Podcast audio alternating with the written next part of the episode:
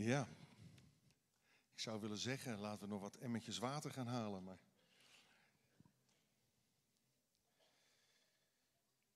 We gaan uh, het hebben vanmorgen over een heel bijzonder persoon.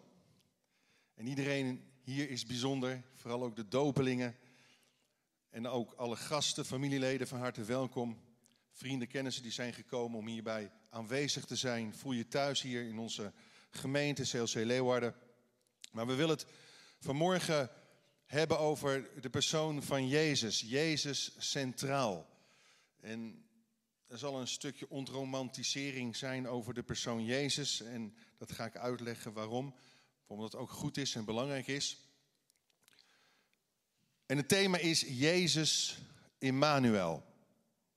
Het is de eerste Adventzondag. En ik heb eigenlijk ervoor gekozen om ook bij Advent stil te staan. En tegelijkertijd ook bij de dopen. Dat is een hele uitdaging. Maar Advent heeft te maken met verwachting. We verwachten de komst van Jezus, natuurlijk de geboorte van Christus. We bereiden onze harten daarop voor. En uiteindelijk, daardoorheen verwachten we de wederkomst, de tweede komst van Christus. Maar geen mens heeft de wereld zo ingrijpend veranderd en op zijn kop gezet als Jezus Christus. Zijn impact op de wereldgeschiedenis en algemene ontwikkeling is gigantisch. Uit onderzoek blijkt dat Jezus de belangrijkste figuur uit de geschiedenis is. Er is drie keer zoveel historisch bewijsmateriaal over Jezus te vinden dan over figuren zoals Alexander de Groot of zelfs Napoleon Bonaparte. Flavius Josephus, een van de meest erkende Joodse geschiedschrijvers uit de tijd van Jezus, verwoordde het als volgt. En het staat geschreven in de kronieken die hij heeft geschreven over het Jodendom. En opeens staat er op een van die bladzijden: In die tijd leefde Jezus. Een wijs man. Voor zover het geoorloofd is hem een man te noemen. Hij verrichtte namelijk daden die onmogelijk geacht werden. En hij was leermeester van mensen die met vreugde de waarheid tot zich namen. Ook nadat Pilatus hem de straf van het kruis had opgelegd, gaven zijn discipelen, die eerst in liefde waren geleven, het niet op. Hij was namelijk aan hem verschenen op de derde dag. In de National Geographic las ik een artikel uit 2017 met als onderwerp Bestond Jezus echt?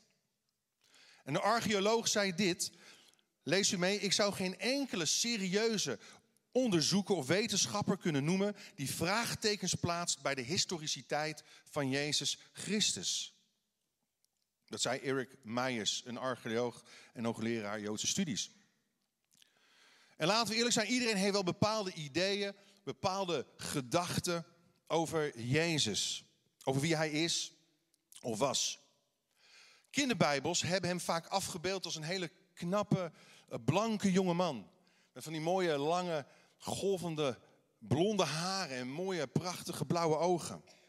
En we kennen allemaal het plaatje wel van Jezus met dat blauwe kleed over zijn wit gewaad en dat schaapje die hij over zijn schouder tilt. Maar klopt dat beeld? Had hij niet veel meer het gezicht van een donker getinte mediterrane man met een wat kromme neus en zwarte lokken? Een meubelmaker met een rauwe stem en een overal over zijn heupen. In sommige kerken hangt hij nog steeds aan het kruis, weemoedig, verslagen. En dan lijkt het alsof Jezus machteloos ten onder is gegaan in zijn strijd voor gerechtigheid. En het geloof lijkt een verloren, trieste zaak te zijn geworden. Maar klopt dat? Is Jezus dan geen overwinnaar over zonde en dood? Het nummer waar we mee begonnen zijn, deze dienst. Is hij niet degene die ons rouw gewaad inruilt voor een vreugdekroon? Vreugdeolie in plaats van as. Wie was Jezus precies? Weet je, Advent is een kans om onze harten voor te bereiden op de geboorte van Jezus Christus, om dat te vieren. En het maakt niet uit wat je voelt deze periode. Het maakt niet uit wie je bent of waar je vandaan komt. Je kan rust en zekerheid vinden in het geschenk Immanuel. God met ons, God bij ons. En zo komen we uit op het Matthäus-evangelie in hoofdstuk 1, vers 21, waarin staat geschreven: Maria zal een zoon krijgen. Een zoon, je moet hem Jezus noemen. Waarom? Omdat hij zijn volk zal redden. Hij zorgt ervoor dat al hun zonden vergeven worden. Dat moest eenmaal zo gebeuren, want in het boek van de profeet Jezaja, zo'n 600 jaar voordat hij kwam, staan deze woorden van God. Een jonge vrouw die nog maagd is, zal zwanger worden. Ze zal een zoon krijgen. En hij zal Immanuel genoemd worden. En de naam, naam Immanuel betekent God is bij ons of God is met ons. Weet je, het, het bijzondere van deze aankondiging is dat er ook een bijnaam gegeven wordt. Jozef, die uit de stam van David komt, waar Jezus Christus, de Messias, uit voort is gekomen. En Maria moet het goddelijk kind Jezus noemen God redden. God red. En tegelijkertijd zal hij ook Immanuel genoemd worden. God is met ons, bij ons. En zijn naam openbaart zijn karakter, zijn wezen. Zijn naam openbaart, manifesteert zijn identiteit. Dit laat dus zien hoe Jezus tot ons gekomen is en bij ons wil zijn. Hij wil zich verbinden met jou en mij op een hoogst persoonlijke manier. Wanneer noem je iemand trouwens bij zijn bijnaam? Als je dicht bij iemand staat, toch? Mijn moeder noemde mij altijd Le Petit Coco. Mijn moeder was Française. Nu zou ze zeggen Le Petit Gros Coco. Maar goed, degene geen Frans kennen, geeft niet. Als Anthony bijvoorbeeld, enthousiast, onze zoon Anthony, die zich laat dopen, een van de dopelingen, uh, naar muziek luistert, dan schommelt hij heen en weer uh, op zijn stoel. Zijn hele bovenlichaam en zijn hoofd gaat zo. en, en, en dan noem ik hem vaak, dat is onze headbanger, onze aanbidder. Ja, hè? En, en onze Esther is onze Essie Bessie. Magali, die noem ik altijd Maggie Snaggy. Maar pas op, hè. Alleen ik mag haar zo noemen. Of iemand anders dat doet, dan krijgt hij een klap voor zijn kop. Niet van mij, maar van haar. En, en, hoe gek een bijnaam ook klinkt, je voelt je niet beledigd als dat in het kader van vriendschap en genegenheid uh, geuit wordt. Je voelt je niet, niet afgewezen of wat dan ook. En zo kreeg Jezus ook als het ware een soort bijnaam en dat was Immanuel.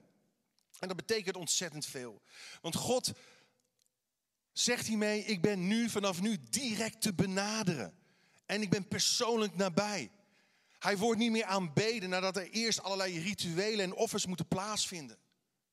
Door Jezus' komst op aarde, zijn offer aan het kruis, zijn opstanding uit de dood, is God met ons en nabij, toegankelijk en persoonlijk bij ons gekomen. Hij kon letterlijk als het ware naast ons lopen.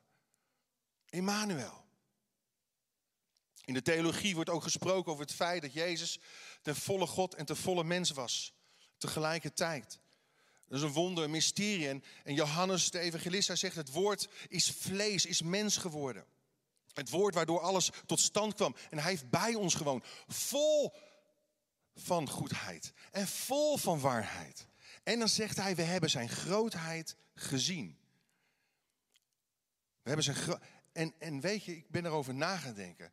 En zijn grootheid is niet alleen gericht op die laatste drie jaar van Jezus leven. Want weet je wat mij zo opvalt? Jezus heeft 30 jaar lang geleefd zoals wij leven. Ervaren wat wij ervaren. Voordat hij ook maar één wonder verrichtte. Voordat hij openlijk begon te vertellen dat Gods, Gods koninkrijk nabij was gekomen. Heeft hij geleefd als een mens. Ten volle. En ten diepste. En ja, ook Jezus heeft familieproblemen gekend. Hij heeft verleidingen gekend. Hij heeft gelachen, hij heeft gehuild. Hij heeft gespeeld, hij heeft gestoeid. Hij, hij heeft gewerkt en hij heeft geluierd. Hij heeft gewone mensdingen gedaan. Waarom? Zo identificeerde hij zich met ons volledig.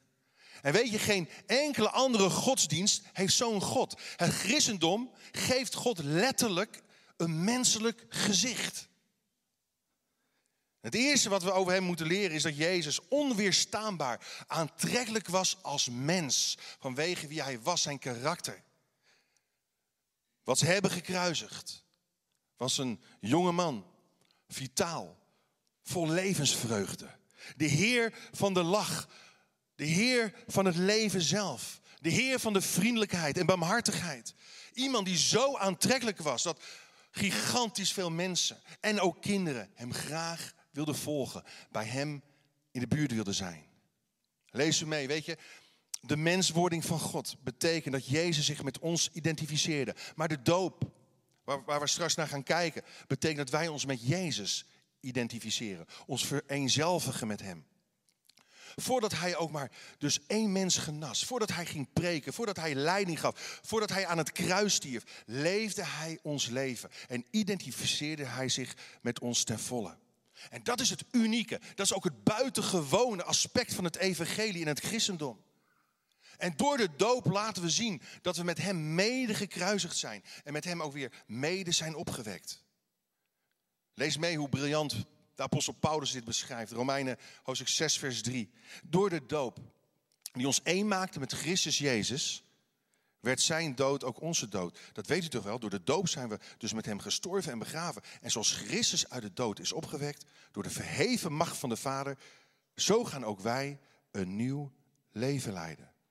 Want als wij één zijn geworden met Christus door te sterven zoals Hij, zullen wij ook één met Hem zijn door op te staan zoals Hij.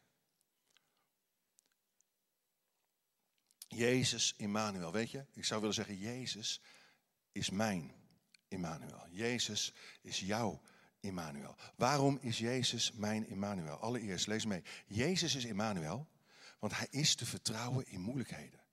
Hij is te vertrouwen. Jezus werd mens, precies zoals wij.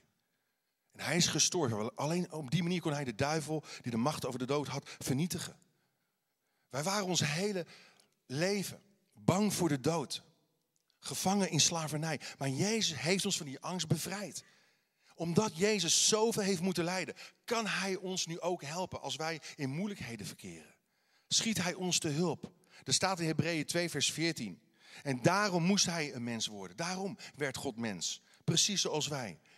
Nu is Hij onze hoge priester, die voor ons bidt, op wie we kunnen vertrouwen, die medelijden met ons heeft. Hij zorgt ervoor dat God onze zonde vergeeft. En als wij in moeilijkheden komen, kan Jezus ons helpen.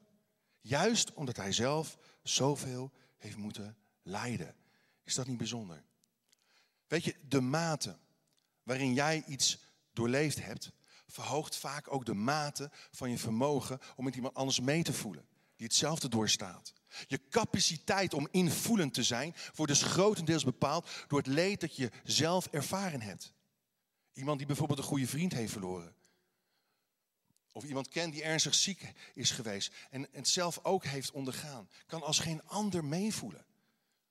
En het gaat verder dan, ach, wat naar voor je. Ach, wat vervelend voor je. Ach, ik leef met je mee. Het gaat veel verder. Jezus, hij zit boordevol sympathie en bewogenheid als hij naar jou kijkt.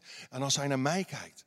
En ja, Jezus zit nu aan de rechterhand van God de Vader. Hij zit als het ware op de troon in de hemel. Maar niet op een afstandelijke wijze. Maar als degene die met je meevoelt, met je meesympathiseert en in actie komt. En hij bidt voor jou, hij pleit voor jou, hij geeft je kracht, hij geeft je troost.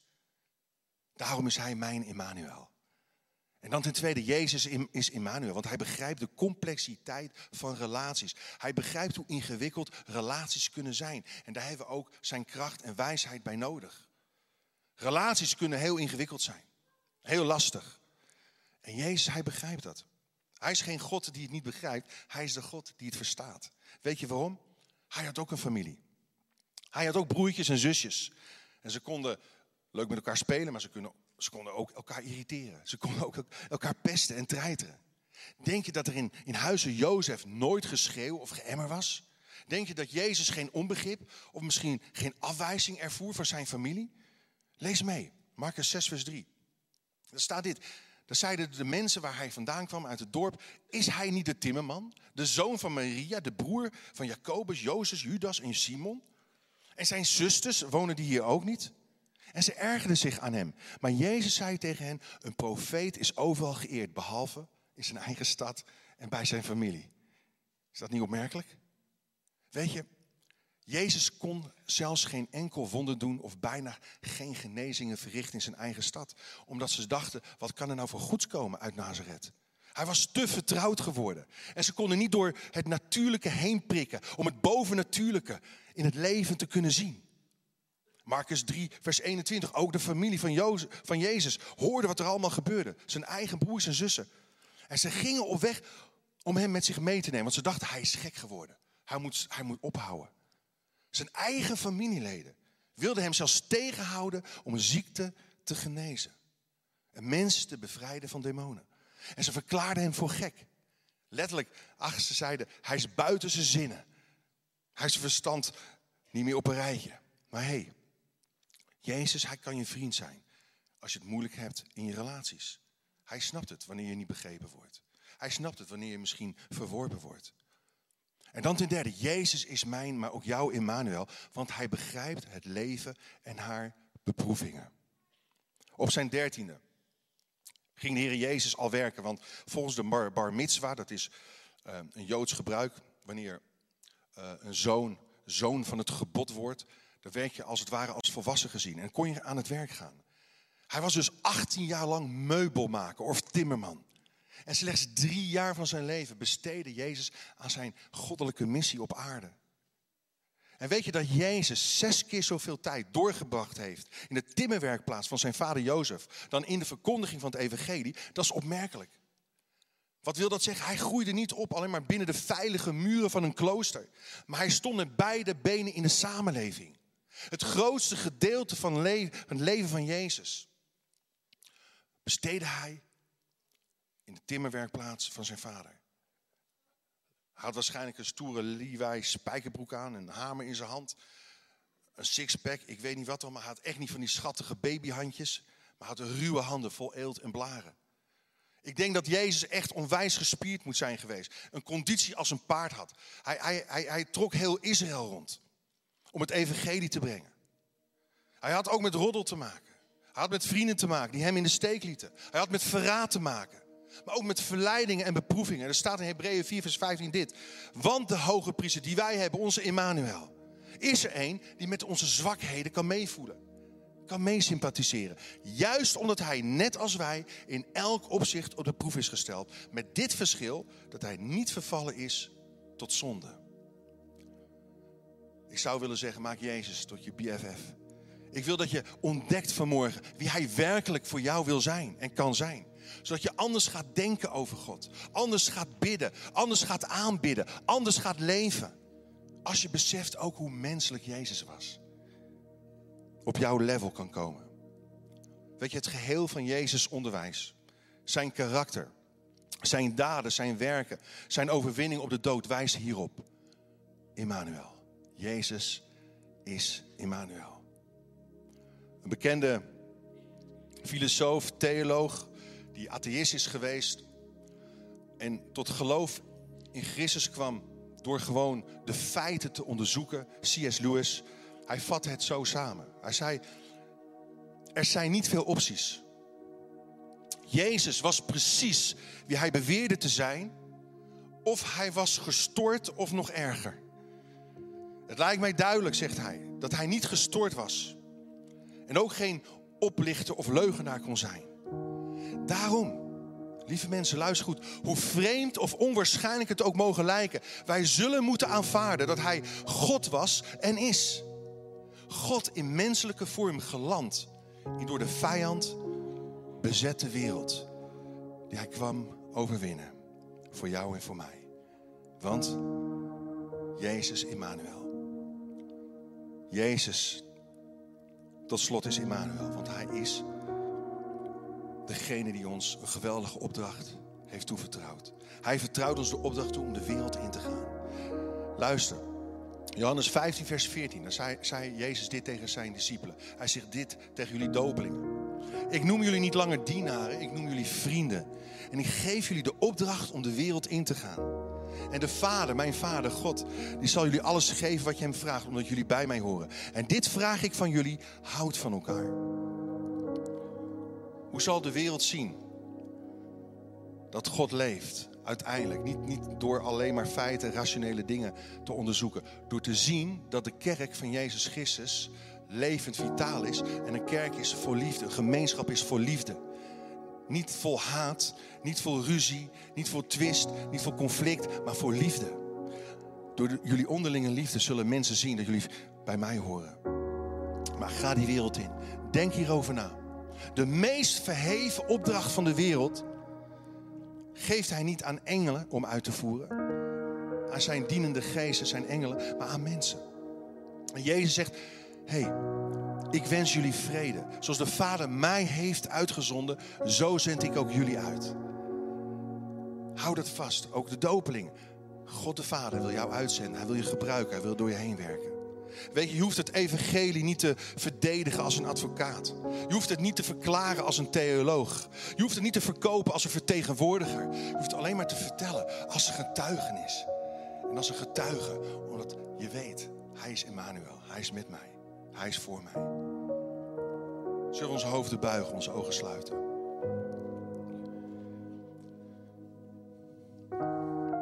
Voel je niet alleen vrij om alles tegen Jezus, God die met je is, te, te zeggen. Voel je ook vrij om, om alles aan Hem te vragen. Hij begrijpt wat je, waar je doorheen gaat, ook als je eenzaam bent. Hij begrijpt als je afgewezen wordt, als je verdrietig bent, als je door moeilijke periodes heen gaat. En weet je, Hij komt bij je staan. Hij komt met je, met je meelopen. Als je bij Hem komt dan mag je weten dat je geen veroordeling ontvangt, maar acceptatie. Geen afwijzing, maar genade. Want Jezus zegt, jullie zijn mijn vrienden. Wie wil Jezus zo leren kennen? Als Immanuel. Door heel eenvoudig te zeggen, Heer Jezus, kom in mijn leven. U bent voor mij gestorven, voor mijn zonde. Ik mag voor eeuwig met u leven. Dan komt Hij in je hart. Op grond van je beleidnis, op grond van wat je zegt. Dan komt Hij in je leven en dan maakt Hij je nieuw. Dan vergeeft Hij je schuld. Dan bekleedt Hij je met een nieuw leven. Jezus, Heer, U bent te vertrouwen. Ook als ik het moeilijk heb. Als het leven niet gaat zoals ik wil. Of denk te moeten gaan. Heer, dank u wel, Heer. Dat u bij mij de draad weer op wil pakken. Dat u mij weer nieuwe kansen geeft, weer nieuwe mogelijkheden geeft. Heer Jezus, dank u wel dat u ook op dit moment, ook bij mensen thuis, ook binnen wil komen. Als een gentleman. Niet geforceerd, niet gedwongen, want u forceert niemand. We zijn geen, geen robotten, we zijn geen marionetpoppen. We zijn mensen geschapen in uw beeld met een vrije wil, een vrije keuze. En als er mensen zijn die zeggen, ja, kom in mijn hart. Dan nodig ik je uit om dat te doen. Om ook straks een kaartje in te vullen die voor je stoel ligt in de, machten, in de, in brievenbussen bij de uitgang te deponeren. Misschien een mailtje te sturen, een appje te sturen. Via onze website. Maar maak gebruik van de gelegenheid. Ga, ga, ga die keuze maken. Maak die stap om voor Jezus te kiezen, met Hem te gaan leven. Heer, dank u wel, Heer, dat we ook getuigen mogen zijn van het feit dat, dat u leeft door het getuigenis ook van de dopelingen heen. Dat u werkt in hun leven. Dat u betrokken bent bij ons intens betrokken, persoonlijk betrokken. Zegen zo deze doopdienst. In Jezus machtige naam. Amen. Amen. We gaan een prachtig mooi nummer zingen met elkaar. En ondertussen gaan ook de dopelingen, de eerste drie dopelingen, um, in het, uh, ja, in het, ja, wat is het? Het is nog niet helemaal een bad, maar het is een bad in wording. Uh, gaan we in het bad dalen met de dopers. En uh, ik stel voor dat we gaan staan, lieve mensen. Ondertussen gaan we over tot de bediening van de doop.